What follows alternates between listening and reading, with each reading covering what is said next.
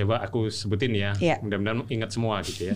kebab Turki Babarafi, Hmm. kontainer kebab, eh, menanti, kumau ramen, ngikan, nyapi, nyayap, sempatin, aura dermatologi, forestry coffee, terus bakpia kukus Tugu Jogja, cabang Kolombo Jogja.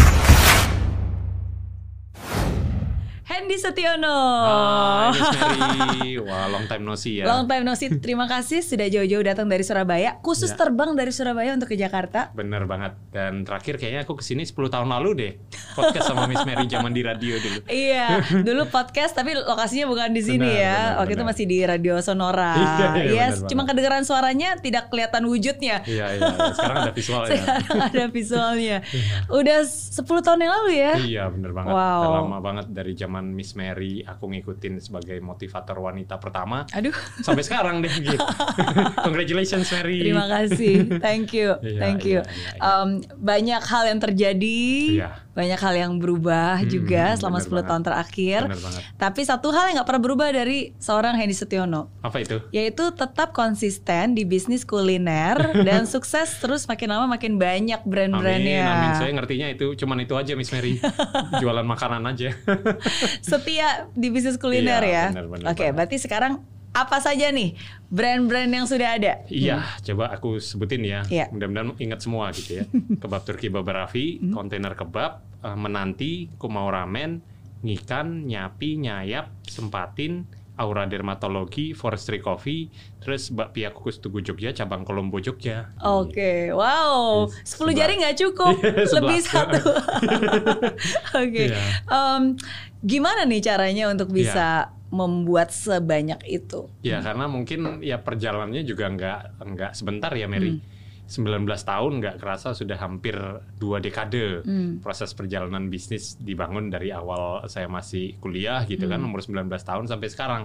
Jadi ya tentu sudah mengalami semua proses up and down dan di antara uh, bisnis yang saya dirikan sebenarnya yang saya bangun sudah puluhan gitu kan tapi ada juga yang memang mungkin nggak survive harus tutup dan sebagainya yang masih sekarang berjalan ya 11 uh, bisnis ini gitu kan Hmm. sehingga memang uh, setelah saya mendalami dan menekuni sesuai dengan passion saya serta skill set yang memang uh, kita kuasai akhirnya ya udah fokusnya di F&B di F&B ya gitu. karena em, pertama ada kekuatan di situ Iya. ada keterampilan juga Benar. ada kecintaan juga Passionnya di sana, ya kan benar. dan ada pengalaman juga berarti kan 19 tahun Iya. itu kan satu hal yang tidak bisa digantikan Benar, dengan benar, benar, benar. uh, uang atau textbook Iya iya iya. Mm. Jadi ya fase roller coasternya udah beberapa kali dilewati. Eh kita ngomongin roller coaster nanti kalau gitu Iya. ya. Oke, kalau kita bicara tentang roller coaster, of Oke. course salah satu yang terdekat ini adalah Mm-mm. pandemi. Benar. Karena kan untuk dunia kuliner, Iya, apalagi. F&B, Iya. apalagi yang sistemnya franchise dan itu juga ada di mana-mana kan. benar banget. Itu berdampak nggak sih? Sebenarnya eh, yang menarik Mary, is, eh, pandemi itu membuat kita belajar dengan cepat untuk beradaptasi. Hmm. Jadi sebelum pandemi memang kita sangat nyaman dengan konsep offline. Hmm. Jadi banyaknya store membantu kita dengan uh, cus- customer yang bisa membeli secara offline di Hmm. lokasi tersebut yang banyak.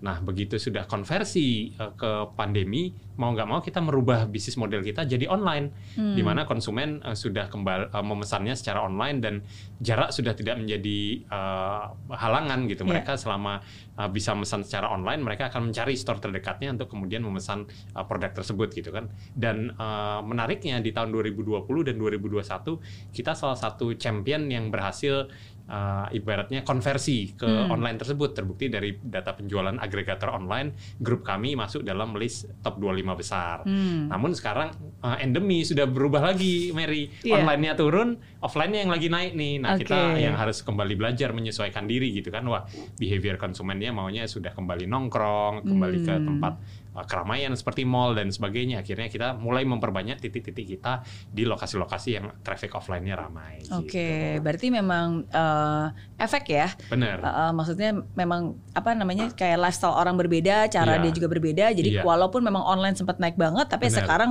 udah balik lagi ke new normal, Iya, endemi. new normal, berarti benar. sebenarnya online-nya pun juga pasti ada penurunan, tapi Benar. onsite-nya ada kenaikan. Yes, yes. Jadi kita harus adjustment. Jadi jenis-jenis produk yang sebelumnya kita create untuk bisnis online, sekarang kita harus uh, menciptakan lagi nih kreasi-kreasi menu yang Hmm. membuat konsumen mau datang membeli secara uh, offline gitu kan. Jadi Hmm. ada experience yang ditawarkan, Oke. ada spot-spot yang menarik yang ditawarkan yang kemudian konsumen mau datang ke sana. Iya. Apa contohnya em, bisnis yang awalnya dibikin khusus untuk online aja Iya. dan sekarang harus dimodifikasi? Contohnya Benar. apa? Jadi beberapa champion kita pada saat uh, pandemi kemarin ada empat brand sebenarnya yang Hmm. kita uh, launch saat pandemi dan cukup uh, mendapat respon Hmm. bagus gitu ya.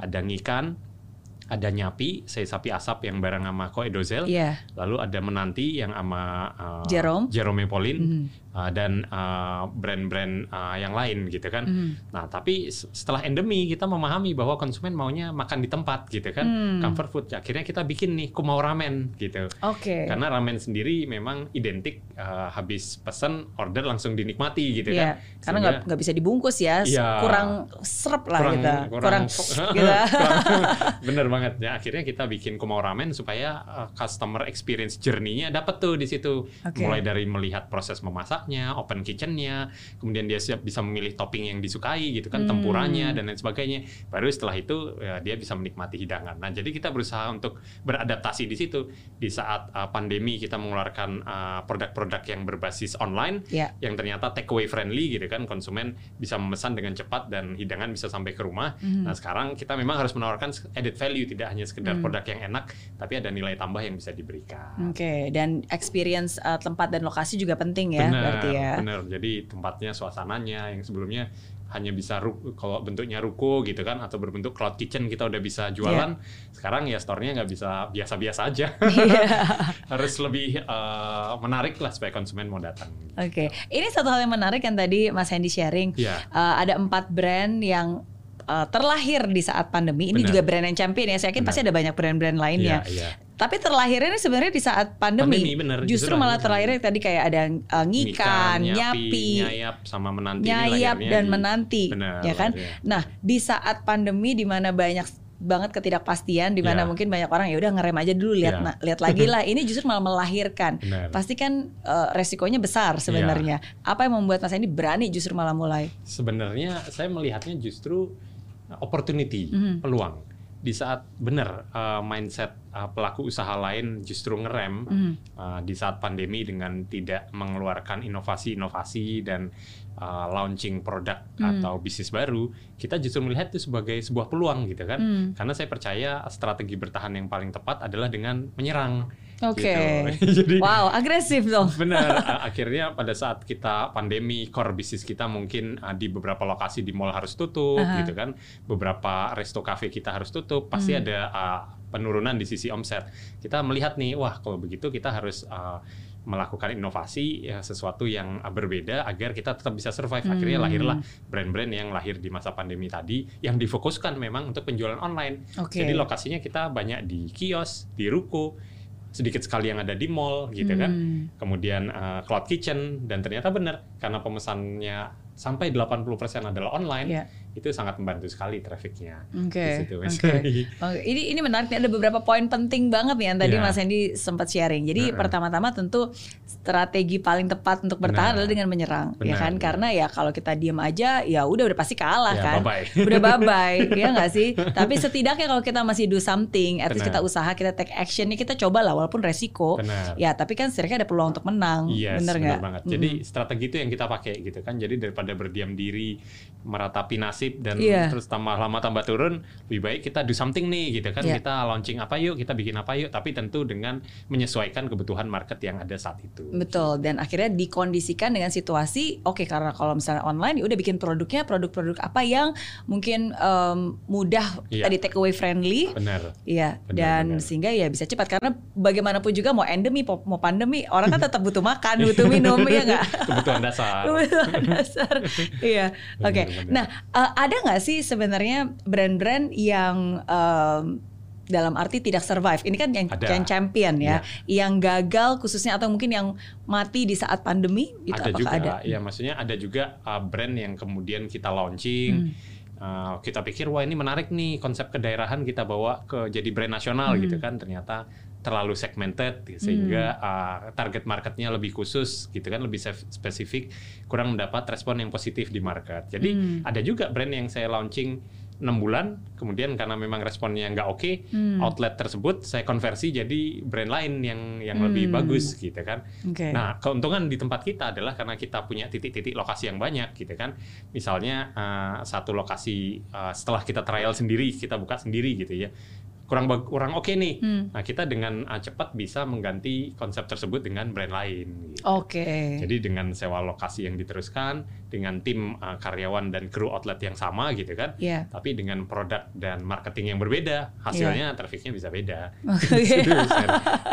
ya karena memang udah ada sistemnya, Iya. udah ada em, apa namanya, udah ada tempatnya juga, Benar, ya benar, kan. benar, benar. Mm-mm. Tapi kalau saya bicara sebelum pandemi, Miss Mary, wah udah udah banyak juga bisnis yang mungkin uh, nggak survive ya gitu Hmm. ya, yang yang namanya uh, kita uh, coba upayakan gitu kan. Tapi kalau udah dua tahun nggak jalan, biasanya kita udah deh kita Hmm. ganti yang lain. Jadi saya udah pernah jualan uh, pizza, pernah jualan uh, Oh, ayam iya? bakar, benar.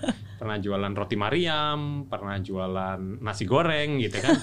yang mungkin karena positioningnya kurang pas gitu kan. Hmm. Mungkin dari sisi pricing atau dari sisi uh, branding dan marketingnya jadi nggak terlalu mendapat respon yang positif di market. Hmm. gitu. Oke, nah ini pertanyaan yang menarik nih. Saya yakin Heeh. banyak orang juga pasti bertanya hal Ya, ini, yaitu kapan harusnya memutuskan untuk berhenti Iya, dan ganti brand, Ya. gitu kan, ganti produk, dan kapan yang sebenarnya udah ini tinggal tetap aja brandnya cuma strateginya aja yang dibedakan. Karena Ya. kan kalau tadi dilihat dari uh, jangka waktunya kan ada yang dalam waktu enam bulan, oh Ya. udah langsung ganti. Benar. Mm-mm. sebenarnya tergantung kita. Mhm. Kalau kita merasa potensi bisnis tersebut ada, biasanya saya sampai dua tahun maksimal. Oke, Ya kan? maksimum dua tahun maksimal ya. dua tahun dan dua tahun itu sudah harus ada ta- uh, curve yang turn around, jadi di- Hmm. harus sudah kelihatan grafiknya. Gitu. Tapi kalau dalam dua tahun masih belum menunjukkan performa positif, masih gitu-gitu aja, ya udah mau nggak mau kita harus mengambil langkah supaya diganti dengan bisnis model lain. Hmm. Tapi kita juga harus melihat ada juga bisnis model yang trennya begitu cepat. Hmm. Kemarin kita sempat Misalnya? lihat ya kuliner-kuliner yang uh, naiknya cepat, habis itu hilang gitu kan. Mhm. Nah, uh, jenis produk seperti itu sebaiknya dihindari dan uh, memang life cycle-nya juga lebih pendek gitu kan. Entah Oke. itu uh, dalgona, terus cappuccino, cappuccino cincau, lalu ada es kepal Milo gitu kan. Oh. Produk-produk yang yang secara Yes, kita aja lupa ya. iya, bahwa itu Oh, pernah iya. ada gitu kan. Aduh, aduh, aduh. Tapi uh, kemudian uh, karena lebih pendek ya mau nggak mau kita uh, lebih cepat dalam mengkonversinya gitu. Hmm, oke. Tapi nggak oke. apa-apa lebih baik mencoba. Jadi saya mengencourage anak-anak muda juga di saat mereka memiliki ide, Iya. trial dulu dengan skala kecil gitu kan, start small, bisa mulai dari sebuah kios, sebuah booth gitu kan, atau Iya. sebuah gerobak kecil, lalu mereka uh, promosikan dengan marketing uh, digital marketing supaya trafficnya bisa datang. Iya. Nah dari situ kalau pelan-pelan sudah mendapat respon positif, dia bisa memperbesar skala skala usahanya lebih luas lagi atau lebih besar lagi store-nya. Gitu. Iya, ya intinya kalau kita nggak bertanding udah pasti kalah. Iya. Tapi kalau bertanding, ya at least ada kemungkinan menang. benar, benar, benar, benar, benar. Oke, Iya. tapi berarti pernah nggak sih ngikutin ngikutin juga nggak tuh tren-tren kayak tadi es kepal Milo, dalgona. Jadi Iya, benar. ini kan kesempatan nih ketika Iya. ada tren, apakah itu langsung segera dibisniskan? Pernah Eh, dibisniskan nggak? Tergantung. Ada yang cuman menjadi add-on menu, jadi menu tambahan di existing brand kita. Mhm. Ada yang kemudian kita uh, melihatnya sebuah sebagai sebuah peluang untuk bisa kita create jadi sebuah bisnis. Mhm. Tapi ada juga yang kita uh, nggak ikutan, gitu kan. Hmm. Jadi biasanya justru kita bukan follow the trend, tapi kita yang justru menciptakan tren itu sendiri. Gitu. Hmm. Contoh di saat uh, sempat uh, rame beberapa waktu tahun kemarin ayam geprek gitu kan, Iya, yang cukup booming. Jadi ayam ditepungin pakai nasi pakai sambal. iya. Kita bikin yang berbeda. Wah kok yang jualan ayam geprek udah banyak nih. Kita akhirnya bikin ikan ditepungin pakai nasi pakai sambal. Jadilah ikan Oh, gitu jadi kan. ikan. Dan Oke. ternyata ya responnya bagus. Ada 170 cabang yang uh, bisa dibuka. Lalu Iya. pada saat orang pengen makan uh, daging uh, asap gitu kan, sei sapi asap gitu kan, kita bikin sei sapi asap tapi versi kekinian pakai mentai, Hmm. pakai uh, saus Korean spicy gitu kan, pakai mozzarella sehingga menjadi sesuatu yang berbeda yang ada unsur kekiniannya. Oke, Termasuk- jadilah nyapi. Jadilah nyapi benar. Termasuk minuman teh. Jadi di saat perperangan kopi dan teh lagi rame gitu kan, Oke. es kopi susu lagi booming, teh juga lagi banyak pemain. Kita mencari angle nih apa ya yang berbeda ya. Iya. Akhirnya muncullah teh dengan varian buah-buahan gitu kan. Oke. Teh rasa buah. Dan muncul akhirnya menanti gitu Oke. kan. Jadi sehingga dari situ kita selalu melihat opportunity yang yang berbeda dari setiap uh, produk yang coba kita launch. Hmm, selalu ada differentiationsnya Harus ya. ada dan itu Oke. wajib. gitu. Itu wajib ya. wajib. Itu setuju banget sih karena uh, ya seperti yang kita semua sering dengar ya. Iya, uh, sedikit lebih beda lebih baik daripada sedikit lebih baik. bener banget. itu quote-nya siapa? Om Bob Sadino apa siapa ya? Bener Iya. banget, tapi itu bener. Bener. Sedikit berbeda lebih baik daripada Sedikit lebih baik. Sedikit lebih baik. Betul. Ada Benar. pembedakan dikit aja daripada ayam dikasih tepung ya udah ganti ikan. bener. ya kan? Berarti udah ada ikan, udah Ya. ada nyapi. Iya, Ngambing belum ada nih ngambing. Sebenarnya kita udah analisis. Oh, oh ya. Benar. Oh ya. Sudah jadi produknya udah jadi risetnya. Oh gitu. Enak banget. Cuman Miss Mary harganya nggak bisa, wah ini tinggi banget gitu. Artinya kalau kita menyasar segmentasi kelas menengah gitu kan, sebagai segmentasi market bisa nggak kejangkau karena untuk Hmm. mendapatkan produk kambing yang memang favorit saya Mhm. dengan rasa dan kualitas yang baik itu harganya mau nggak mau harus dijual dengan harga yang lebih tinggi. Akhirnya kita Hmm. memutuskan nggak masuk di sektor itu. Oke. Tapi oke. menarik itu idenya gitu. Ngambing ya, Mungkin iya Miss kan? Mary tertarik buat buka. Saya tidak makan hewan kambing. berkaki empat. suami suami yang doyan Iya, kambing iya. ya. Oke. Ta- tapi ini eh, ini ini saya pengen tanya ya karena Iya. ini menarik karena kan kalau memang sek, biasanya kan kayak ngikan, nyapi, Iya. eh, nyayap, Betul. mungkin kan memang untuk men-serve target market tertentu, segmen Benar, tertentu. benar. Tapi kan ketika kayak tadi ngambing, Benar. mungkin memang harganya agak Lebih di ya, atas. benar. Tapi kan mungkin apakah itu sebenarnya peluang baru di Bisa. segmen tertentu yang memang belum ada. Benar. Nah, terus apa pertimbangannya antara ya udah tetap Iya. di sini atau nggak nggak Benar. nyampe atau menjadi peluang baru? Bener. Kadang kita harus tahu segmentasi target market yang mau kita bidik ya. Hmm. Jadi bisnis itu nggak bisa menyasar segmentasi target market yang semua deh kita sikat gitu. Hmm. Itu uh, biasanya uh, kurang berhasil. Tapi di Hmm. saat kita sudah memiliki segmentasi target market yang tepat, Oke. itu uh, pelurunya lebih tepat sasaran. Iya. Baik di sisi pricing, di sisi strategi marketing gitu kan, kontennya, Iya. Uh, kemudian di sisi uh, desain branding yang sesuai dengan target market, nah Hmm. itu semua harus di set dari awal. Kebetulan yang biasa kami jalani adalah segmentasi market milenial, Gen Z dan kelas C gitu. Oke. Jadi di segmen tersebut yang paling besar, paling luas dan mereka willing untuk apa ya mempromosikan dan memposting apa yang mereka uh, konsumsi gitu kan. Habis Iya. minum menanti nih posting tag ke menanti di repost, oh ada perasaan Iya. bangga gitu kan. Nah hal seperti itu yang akhirnya kita mengetahui segmentasi mana yang sesuai dengan Hmm. behavior kita dan kita fokuskan ke sana sebagai uh, target market dari bisnis yang dijalani gitu. Hmm. Jadi kalau berjualan uh, menu atau produk yang segmentasinya mungkin kelas menengah ke atas, mungkin strategi brandingnya berbeda Iya. Segmentasinya juga berbeda dan jangkauan lokasinya tidak bisa sebanyak Betul. uh, kelas menengah yang uh, mungkin bisa lebih banyak. Gitu. Betul. Dan learning curve-nya juga berbeda ya untuk Yes. memulai sesuatu yang baru. Karena Benar. kan kalau tadi yang Mas Hendy bilang, Heeh. setidaknya udah tahu nih pasar target marketnya uh, Iya. Gen Z, milenial, Iya. uh, kelas C gitu Benar. kan. Iya, jadi ya udah itu sudah terbukti, sudah proven, sudah udah banyak Iya. uh, apa research product market Benar. fit-nya. Benar. Kalau kita ubah dikit aja ke yang segmen B atau segmen A, ya bisa sih, tapi Iya. butuh waktu yang lebih lama lagi Iya. untuk melakukan proses Iya, learning-nya. iya, ada ya. ada proses pembelajaran Hmm. lagi dan kadang kita harus mengetahui kita eh, keahliannya di mana sih, skill Hmm. setnya di mana sih, gitu kan, passionnya di mana sih. Di usia 10 tahun pertama saya membangun bisnis, mungkin saya masih senang uji coba dan explore di situ. Hmm. Tapi memasuki 10 tahun kedua, dekade kedua saya udah deh saya spesifik fokus ke apa yang uh, menjadi keahlian kita aja gitu. Kalau saya jadi motivator besok-besok sama Miss Mary ini eh, bisa duet bareng isi seminar gitu. Ya, tapi Gitu. emang kita juga sering beberapa Iya, kali iya, ya mengisi ya. di beberapa seminar ya. Iya, iya, Iya, iya. Oke. Benar. Nah, kalau berbicara tentang kayak tadi uh, product range, uh, Yes. segmentasi market, berarti kira-kira price price range-nya Price itu range-nya ya. berapa kira-kira? Sebenarnya yang best uh, price range itu di belasan ribu sampai di tiga puluhan ribu. Hmm, Tapi yang benar-benar market fit itu di harga angka kepala 20 ribuan. Oke. Mulai 20 ribu sampai 25 ribu itu dengan cepat gitu kan. Iya. Uh, bisa Makanan dan minuman. Iya, baik makanan atau minuman Oke. yang di price range seperti itu yang Hmm. cepat Hmm. bisa diserap oleh market gitu kan Hmm. karena affordable ya anak sekolah juga bisa jajan uh, mahasiswa juga dan uh, buat kelas C pun harga tersebut juga masih bisa uh, apa Hmm. diserap gitu. Tapi kalau harganya sudah di atas 30.000 ke atas, biasanya sudah lebih tersegmen. Hmm, oke. Gitu. Jadi benar-benar udah tau lah formulanya karena memang udah dicoba berkali-kali Nah, kan. Jadi jadi kadang nggak cuman bikin riset produk yang Ya. hal- yang produknya enak doang gitu kan. Tapi kok dihitung costingnya, HPP-nya ternyata jebol, wah Ya. kita mending udah deh jangan dirilis gitu karena uh, ya mungkin lebih tersegmen ya di situnya. Oke. Kunci sukses seorang Hendy Setiono nih dari pengalaman pembelajaran selama 19 tahun khususnya dalam membangun F&B. Ya, ya tentu bukan perjalanan yang mudah ya. Maksudnya uh, ngalami gagal berkali-kali, jatuh bangun juga, membangun brand kebab Turki Babarafi saya dengan uh, uh, tangisan uh, darah, keringat, semua campur aduk gitu kan, sampai akhirnya berjalan 19 tahun tentu bukan waktu yang sebentar. Dan uh, mencapai proses tersebut uh, butuh konsistensi menurut saya Miss Mary. Dua, uh, sama halnya seperti Miss Mary yang fokus konsisten sebagai woman motivator pertama dan satu-satunya yang sekarang saya ada di benak saya gitu kan.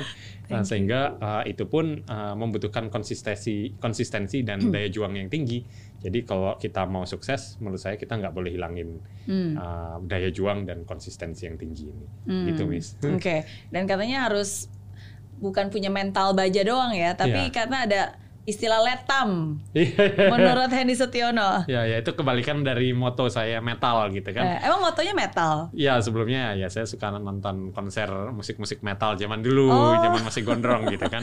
Dulu pernah gondrong? Dulu pernah. Jadi kalau dibalik letam kan gitu Ah. apa aja ya lakukan e- evaluasi gitu kan. Terus eh, sebentar letam sebentar apa ya kemarin dia lakukan evaluasi, mencoba, action. Tiru. eh, iya ya benar-benar lakukan evaluasi, tiru. Terus, aduh aku sampai lupa, sampai lupa.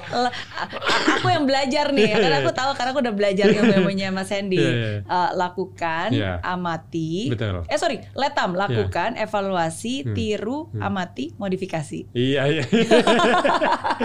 ya ya benar-benar malam Misteri yang inget ya. Benar-benar. Tapi itu sebenarnya yang aku implementasi di awal-awal saat Hmm. kita masih bingung mau bisnis apa gitu kan. Oh. Udah nggak usah uh, galau gitu kan. Kadang kita dari modal sosial media, scrolling akun-akun food blogger itu udah bisa dapat banyak banget inspirasi gitu kan. Hmm. Tinggal mau nggak kita mencoba dengan cara yang berbeda gitu kan. Kita action dan kita modifikasi sesuai dengan uh, karakter kita yang bisa memberi added value lebih. Oke. gitu. Satu hal yang saya lihat nih, Ya. eh, ada patternnya nih sebenarnya Mas Hendy. Karena kalau tadi beberapa brand-brand yang tadi Benar. Mas Hendy bilang terlahir di pandemi, Ya. eh, ngikan, nyapi, nyayap, Ya. menanti. Betul. Nah, sebenarnya at least empat brand ini tuh masing-masing punya KOL, Key Opinion Leader, Benar, benar, benar. tokoh-tokoh Benar. yang sebenarnya sangat dikenal oleh masyarakat. benar, Dan benar. Apakah itu menjadi salah satu faktor kesuksesan untuk membangun sebuah bisnis kuliner? Iya, sebenarnya kita uh, termaksud uh, mencoba gitu kan, uh, apa istilahnya mengeksplor cara-cara marketing yang baru dan Hmm. termaksud mempioniri konsep bisnis berkolaborasi dengan KOL Hmm. gitu kan dengan teman-teman konten kreator. Jadi ngikan bareng sama Okin, lalu nyapi bareng sama uh, Edozel, Edozel. lalu nyayap bareng sama Ken and Grade Hmm. dan menanti bersama Jerome Pauline yang akhirnya ternyata uh, formula tersebut bisa dibilang sangat bagus dan cukup berhasil gitu Hmm. kan. Uh, wa- walaupun memang harus disertai dengan product differentiation dan uh, apa kemasan bisnis yang berbeda gitu kan. Hmm. Jadi nggak cuma sekedar uh, KOL-nya aja nih, tapi bisa nggak mendeliver konten yang menarik yang tepat sasaran sehingga konsumen minimal uh, tertarik buat mencoba gitu kan. Setelah mereka suka dengan marketing activity-nya, Hmm. baru mereka repeat order lagi karena cinta sama produknya. Hmm. Bagaimana bisa memake sure dari awalnya mungkin hype karena ya udah Iya. coba kan karena Benar. apa idolnya kan pasti kan ngikut Benar. rela ngantri berjam-jam gitu Heeh, kan Iya. Eh, tapi tetap konsisten dan Iya. ada repeat Kalau saya produknya harus tervalidasi dulu. Hmm. Jadi harus produk-produk yang ibaratnya eh, dikonsumsi harian gitu kan. Hmm. Contoh teh ya orang pasti ya kalau nggak minum kopi minumnya teh gitu Iya. kan sehingga tervalidasi marketnya ada gitu kan sama misalnya ikan eh, orang eh, mencoba makan eh, ikan nasi dan sambal itu ternyata cukup tinggi konsumsinya gitu kan sehingga kita melihat wah cukup banyak orang yang menyukai produk seperti ikan, nyapi dan sebagainya. Hmm. Cuman memang bagaimana kita uh, selalu menghadirkan sesuatu yang baru Hmm. karena namanya bisnis kuliner itu tidak lepas dari inovasi. Ya. Jadi uh, sudah dituntut oleh konsumen kalau dulu setahun sekali ngeluarin produk baru, sekarang enam bulan sekali itu udah dianggap terlalu lama. Oh iya, wow. Jadi setiap bulan nih harus ada Iya. apa yang baru gitu kan tiga bulan sekali harus ada signature menu baru gitu kan Iya. sehingga konsumen uh, mau melihat dan mencoba uh, produk-produk Hmm. tersebut. Tapi benar uh, kekuatan sosial media itu sangat membantu sekali sekarang. Hmm. Uh, seperti yang Miss Mary uh, sekarang uh, lakukan melalui channel-channel platformnya dan Iya. sebagainya. Itu coba kita implementasi di bisnis kuliner Oke. gitu ya dengan konten-konten yang lucu, yang FYP dan sebagainya yang ternyata setiap kali ada konten kita yang naik pasti diikuti dengan uh, penjualan sales yang juga ikut naik. Oke, Gitu itu ngefek ya berarti ya, terukur ya. Maksudnya kayak beberapa kayak kadang-kadang kan sering kali di TikTok suka ada Iya. stories, suka ada konten-konten yang sebenarnya sangat soft, soft Iya. selling gitu. Iya, iya, Tapi iya. eh, itu bisa mengconvert Benar. ke penjualan ya. Benar-benar dan kita punya target. Jadi Hmm. tim konten kita harus setiap bulan berapa kali FYP nih. Oh, itu gitu. juga jadi KPI-nya.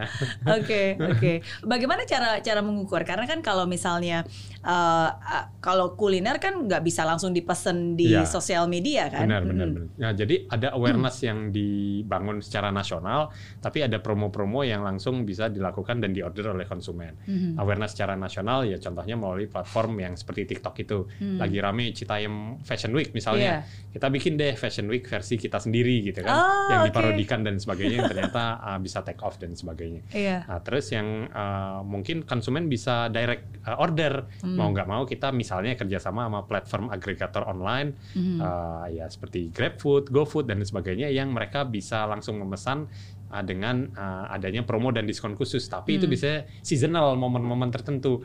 Nah kita coba nih evaluasi di saat promonya nggak kita ikutkan, konsumen uh, datang nggak, Hmm. jalan nggak. Biasanya promo tersebut kita on kan di saat musim-musim yang penjualan sepi, Hmm. Uh, musim anak masuk sekolah, gitu Oke. kan, musim bulan puasa, Iya. gitu kan. Terus uh, uh, pada saat momen-momen bulan sepi itu Hmm. biasanya kita coba hidupkan promonya. Tapi kalau Hmm. di saat uh, akhir tahun, kemudian Lebaran, lalu uh, bulan Desember itu justru naik-naiknya, jadi nggak ya. nggak promo pun uh, udah spending gitu kan. Iya, jadi iya. kita membaca situasi juga melakukan itu. Oke, gitu. ya ini hasil pengalaman Ya, nyata hasil selama hampir dua dekade, bener kan?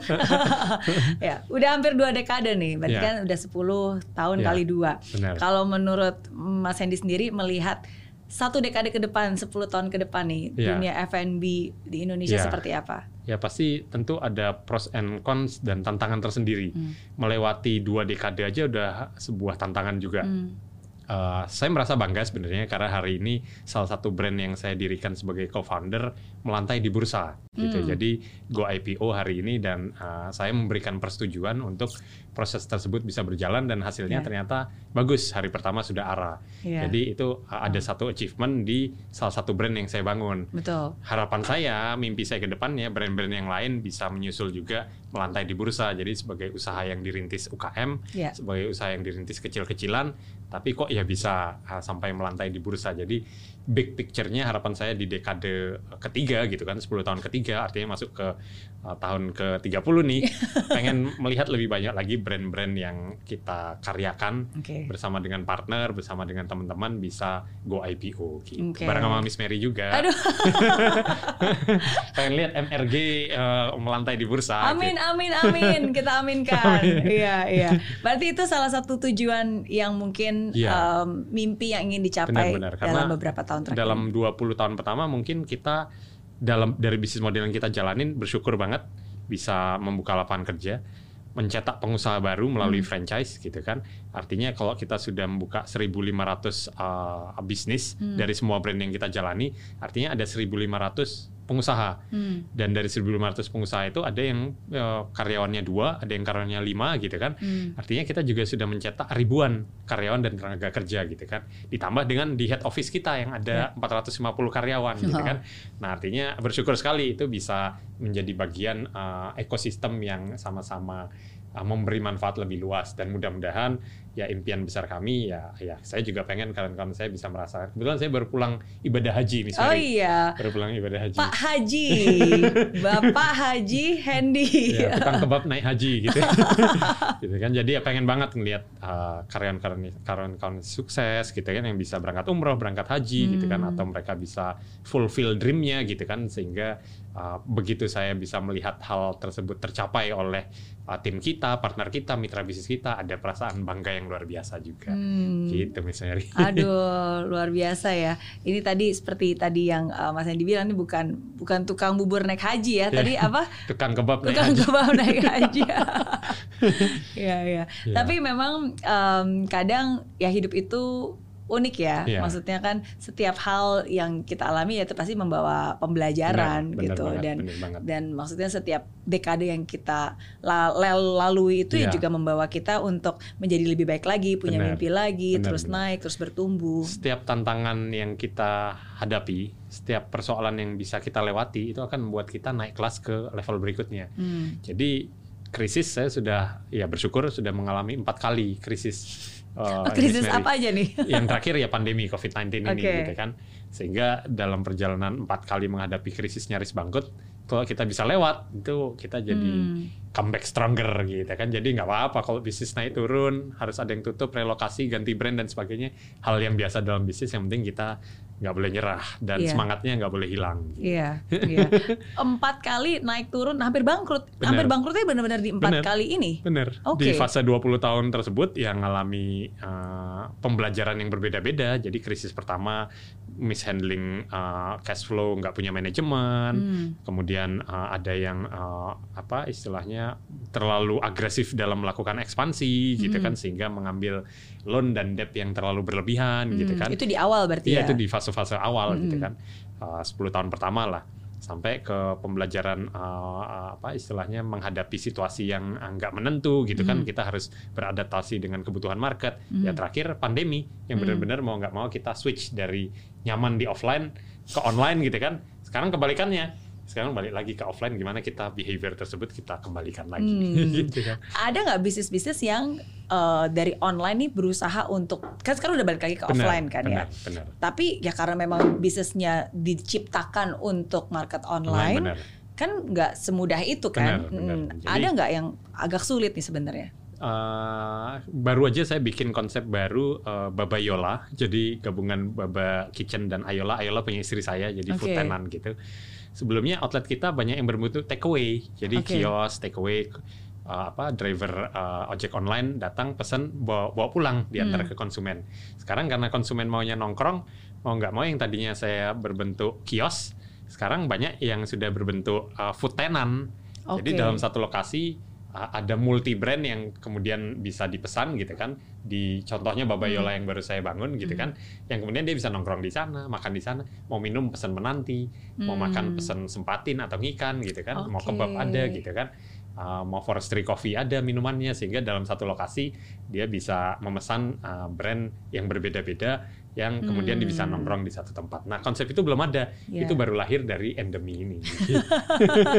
jadi eh, jadi sebenarnya lebih ke agregator tapi Iya. ya di, di di tempat lokasi jadi experience-nya tetap ada Benar. tempatnya juga ada ya Iya. cuma ya produk-produknya sekarang bervariasi ya Yes. karena kan kalau cuma eh, teh aja atau mungkin ada Benar. beberapa produk yang memang sebenarnya agak susah untuk dijadikan experience kan Bener banget. Jadi Hmm. dia harus punya opsi pilihan menu yang lebih banyak gitu kan, Hmm. brand yang lebih banyak sehingga pada saat konsumen datang ke tempat tersebut dia bisa memenuhi eh, sesuai dengan keinginannya mau pesan yang mana. Gitu. Hmm, oke, oke. Emang harus selalu berkreasi ya, harus selalu berpikir. Ya, 20 tahun Miss Mary sama kayak Miss Mary. 20 tahun.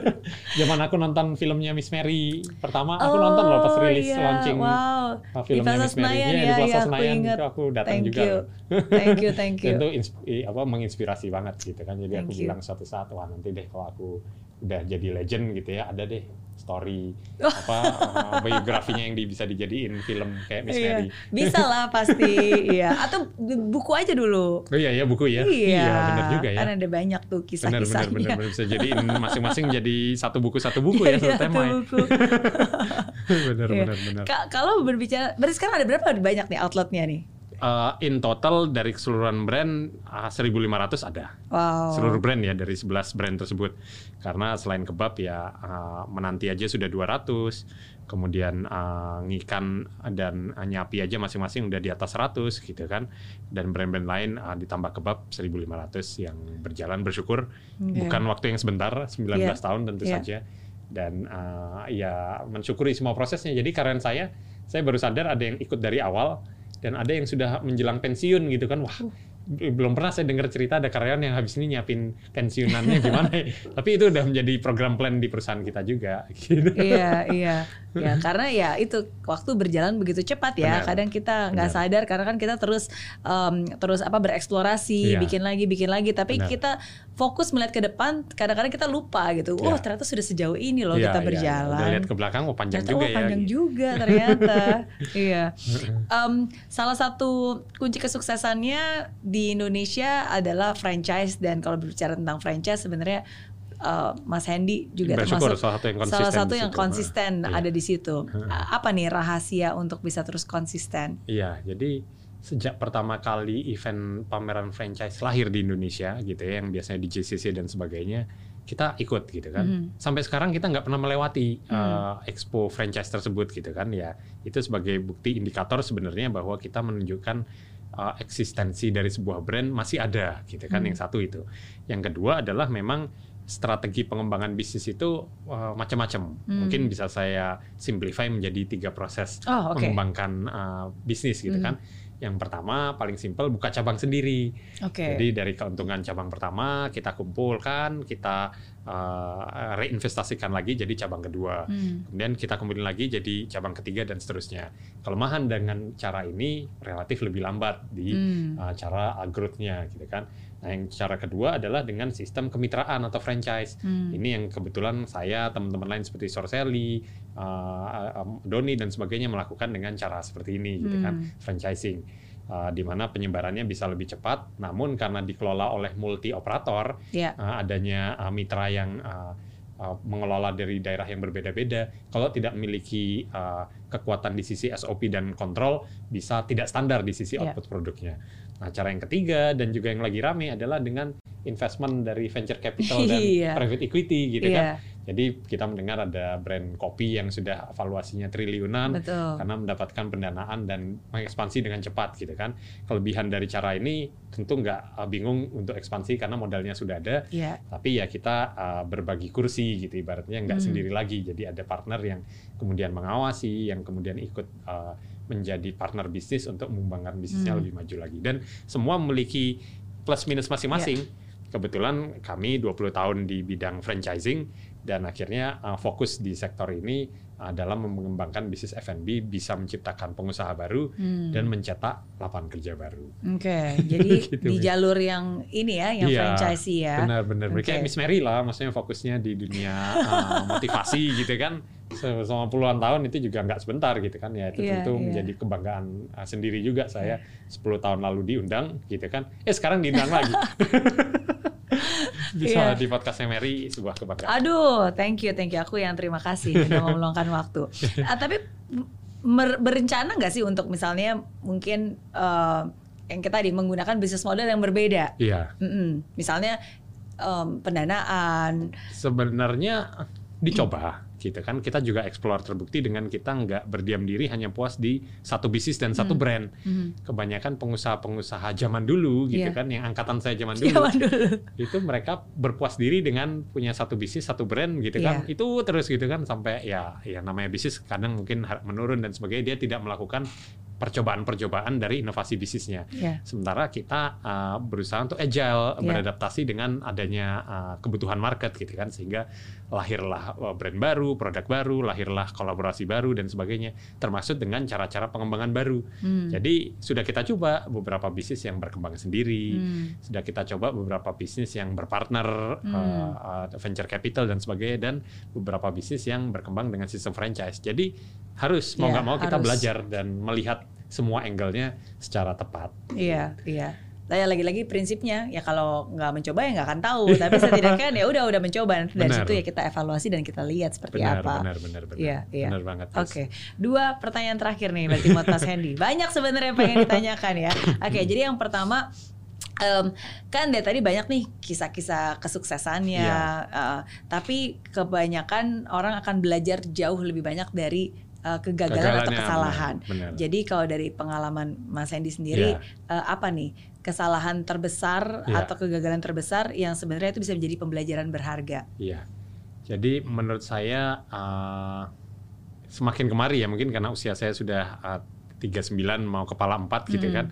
Saya belajar untuk learning uh, untuk belajar kapan harus stop gitu. Hmm. Itu penting banget gitu kan. Kadang kita kan fulfill, wah kita pengen ini ini Iya. ini dan sebagainya, tapi kita lupa menentukan kapan waktunya harus stop. Ternyata itu penting Hmm. karena pengereman diri itu uh, juga menjadi salah satu cara kita bisa membatasi resiko yang mungkin muncul. Itu yang pertama. Yang kedua, uh, punyanya uh, memiliki partner yang bisa saling melengkapi, gitu Ya. kan? Partner sebagai pasangan hidup, sebagai partner bisnis, gitu Ya. kan? Atau sebagai uh, apa partner bertukar pikiran. Ya, Kadang kita harus bisa mencari yang balancing ya. karena kalau sama-sama gaspol gitu kan nggak ada yang rem wah bahaya juga gitu kan jadi satu sama lain harus bisa saling melengkapi Lengkapi. uh, agar uh, bisa berjalan dengan linear sehingga Hmm. pelajaran pertama saya adalah kita harus belajar dan tahu when to stop gitu kan Hmm. kapan kita harus stop sehingga uh, meminimalisir potensi-potensi uh, yang tidak bisa dikontrol gitu Ya. kan Uh, dan yang kedua adalah uh, mencari partner entah Ya. partner hidup gitu kan atau partner bisnis dan sebagainya yang bisa sal- saling melengkapi satu sama lain Ya. karena di saat kita uh, complete as a uh, partner uh, di situlah kita uh, berperan sebagai Avengers yang satu sama lain saling mensupport. Iya. Gitu. Setuju, setuju. Bersinergi ya. Iya, Jadi benar. berdua saling eh, apa? Saling menguatkan. Iya, saling menguatkan benar-benar. Oke. Jadi ya uh, cukup uh, ya tentunya 20 tahun bukan waktu yang singkat. Ya. Uh, beberapa bisnis yang harus kita shutdown sebagai bentuk pembelajaran juga ada. Beberapa bisnis yang mungkin nggak berjalan baik yang kemudian kita harus konversi atau bahkan kita kembalikan Hmm. modalnya juga ada gitu kan. Tapi semua itu sebagainya sebenarnya sebagai bentuk pembelajaran aja. Hmm. Kita jangan apa ya istilahnya uh, berlama-lama down gitu kan, Iya. berlama-lama uh, terpuruk gitu kan. Tapi bagaimana kita bisa menemukan uh, identity, jati diri dan semangat baru kita untuk comeback stronger. Yeay. Makanya mata boleh basah, badan boleh lelah, tapi tidak boleh menyerah. Bener banget, Eh. Cie, Miss Mary. Tahu. Makanya aku nontonin terus reelsnya Miss Mary. Aku kalau lagi galau aku buka akun IG-nya Miss Mary terus aku nonton reelsnya Aduh, satu-satu. bisa aja. Emang emang pernah galau apa? ya, namanya juga manusia. Oke, kalau gitu berarti terakhir nih dari Mas Ya. Hendy um, tips mungkin pesan ya, bukan Ya. bukan cuma tips ya, berarti pesan khususnya buat para uh, entrepreneur Ya. muda yang Ya. baru mau terjun ke dunia kuliner. Karena Oke. kalau kita berbicara tentang bisnis di Indonesia, Ya. kayaknya paling banyak itu ditanya mau bisnis apa pasti kuliner. Bener. Ya. Benar, benar, Hmm. benar. eh find your passion pasti. Kita cari dulu passion kita apa gitu, apa yang kita sukai. Mungkin bisa dimulai dari menu makanan yang kita sukai gitu Hmm. kan. Karena memang kita harus cinta banget sama yang kita kerjain gitu kan. Kita harus mau uh, apa is- ibaratnya uh, kalau makan produk kita tiap hari itu nggak bosan gitu kan. Iya.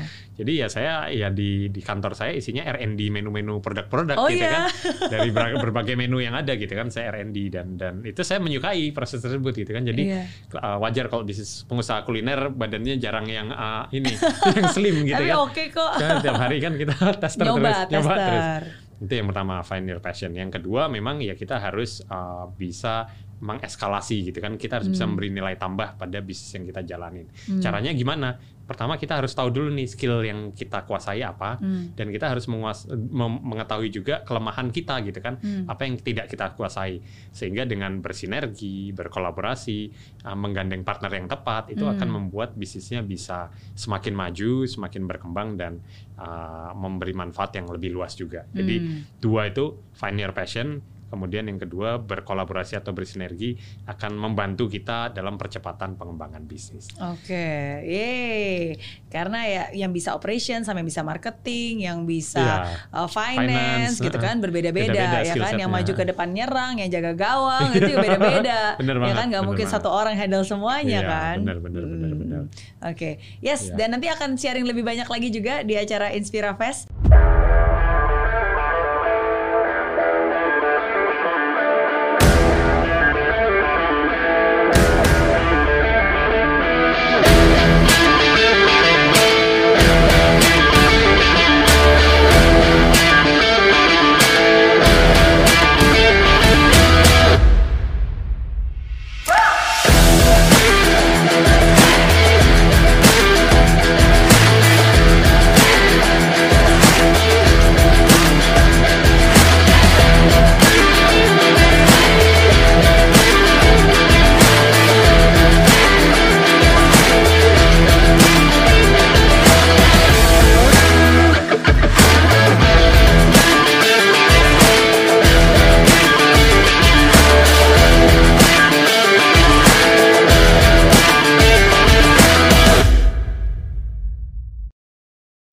Thank you udah meluangkan waktu juga. Thank you banget Miss Mary, senang banget bisa ikut mengisi di Inspira Fest. Mudah-mudahan bisa lebih banyak lagi belajar, Amin. cuma sekedar sharing, tapi juga banyak bela- pembelajaran yang sama-sama bisa kita dapatkan. Yes, dan pasti kita juga udah gak sabar pengen belajar lebih banyak lagi dari pengalamannya Andy Setiono. Siap yes. dong. Sukses terus. Thank you, Miss Sehat Mary. selalu. Makasih. Salam buat keluarga. Siap, thank you.